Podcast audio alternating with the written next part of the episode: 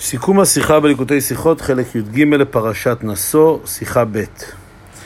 בפסוק האחרון בפרשתנו אומרת התורה ובבוא משה אלו אל מועד לדבר, לדבר איתו, וישמע את הכל מדבר אליו מעל הכפורת אשר על ארון העדות, מבין שני הכרובים, וידבר אליו. התורה אם כן מתארת אה, שכאשר משה רבינו נכנס לאוהל מועד, הוא היה שומע את הכל מעל הכפורת מבין שני הכרובים, וכך הקדוש ברוך הוא דיבר אליו. אומר רש"י, וידבר אליו, למעט את אהרון מן הדיברות, שרק משה שמע אותם. וממשיך רש"י, וישמע את הכל יכול קול נמוך, תלמוד לומר את הכל הוא הקול שנדבר עמו בסיני, וכשמגיע לפתח היה נפסק ולא היה יוצא חוץ לאוהל. אז רבי מסביר מה רש"י כאן בא לומר.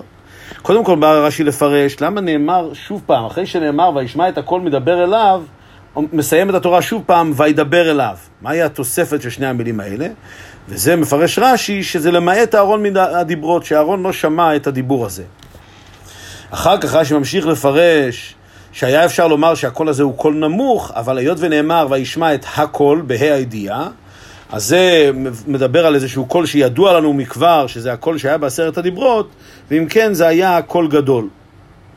שואל על כך הרבי ארבע שאלות. שאלה ראשונה, למה רש"י משנה את הסדר? קודם הוא מפרש את המילים וידבר אליו, שזה המילים האחרונות בפסוק, ורק אחר כך הוא חוזר לפרש את המילים וישמע את הקול אה, מדבר אליו. אז למה הוא משנה את הסדר? שאלה שנייה, למה רש"י צריך לשלול שלא מדובר כאן בקול נמוך? יכול קול נמוך. למה היה לנו מחשבה לומר שהקול הזה שדיבר על משה רבינו היה דווקא קול נמוך? שאלה שלישית, למה נוגע כאן לרש"י לפרש שכשהקול היה מגיע לפתח האוהל הוא היה נפסק? למה זה נוגע כאן לפירוש הפסוקים כאן? ושאלה רביעית, למה רש"י מעתיק את המילים וישמע את הקול? הרי רש"י בא רק להסביר מה זה הקול, שזה הקול גבוה, הקול של עשרת הדיברות, אז הוא היה צריך להעתיק רק את המילה הקול. למה הוא מעתיק גם את המילים וישמע את הקול? מבאר הרבי שיש כאן אה, שלוש נקודות בפירוש רש"י, שכל אחת מביאה את הנקודה הבאה. הנקודה הראשונה, שנאמר, מזה שנאמר בפסוק וידבר אליו, אה, שזה בא למעט שאהרון לא שמע את הדיבורים של הקדוש ברוך הוא, היה אפשר לחשוב שזה מכיוון שהיה דיבור בקול מאוד נמוך, ולכן רק משה בכוחותיו המיוחדים יכול היה לשמוע את הקול הזה. כי הרי אהרון גם כן היה באוהל מועד, ואפילו כשהוא היה באוהל מועד הוא לא שמע את הקול, אז חייבים לומר שזה היה קול נמוך מאוד. על זה אומר רש"י, יכול קול נמוך, מיד בהמשך לזה הוא אומר, אם אהרון לא שמע את הדיבורים, אולי זה מכיוון שזה היה קול נמוך, אבל אומר רש"י אי אפשר לומר כך, מכיוון שנאמר הקול בה"א הידיעה, חייבים לומר שזה הקול הידוע, שהוא קול גדול שהיה בעשרת הדיברות. ואם כן, זה שאהרון לא שמע את הקול, זה רק מכיוון שזה היה באופן ניסי שרק משה רבינו היה יכול לשמוע. אלא שלפי זה תתעורר השאלה, אם מדובר בקול גדול, אז למה מוכרח היה משה רבנו להיכנס לאוהל מועד, כמו שהפסוק מדגיש, ובבוא משה אל אוהל מועד? לכאורה היה יכול לשמוע את זה גם מחוץ לאוהל מועד. ולכן מוסיף רש"י את הנקודה השלישית, שבפתח אוהל מועד הכל היה נפסק. ולפי זה מובן למה רש"י שינה את סדר הפירושים. קודם הוא פירש, וידבר אליו שאהרון לא שמע.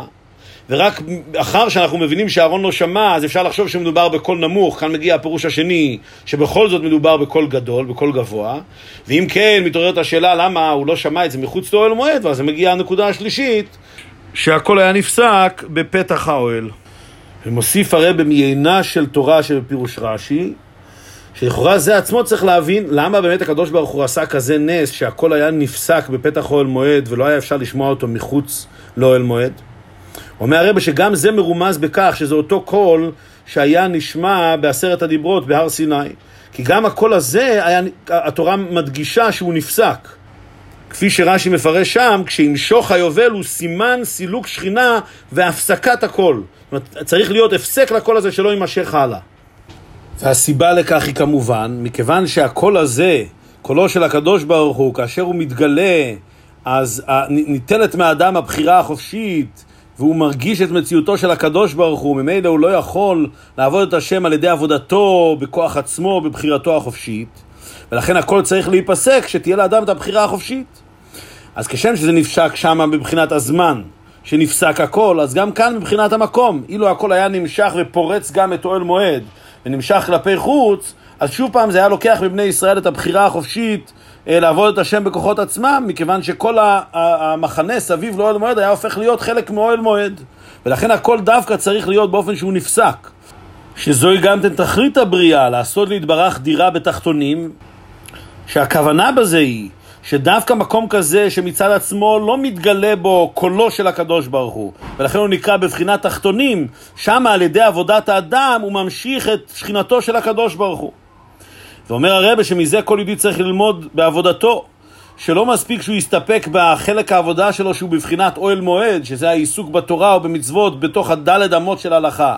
אלא הוא צריך לדעת שהתפקיד הוא שגם כאשר הקול הזה נפסק, גם בדברים שקשורים בסביבתו, בחלקו בעולם ובנפש הבעמית שהוא צריך לברר, שם דווקא מתבטא תכלית הכוונה של לעשות לו יתברך דירה בתחתונים.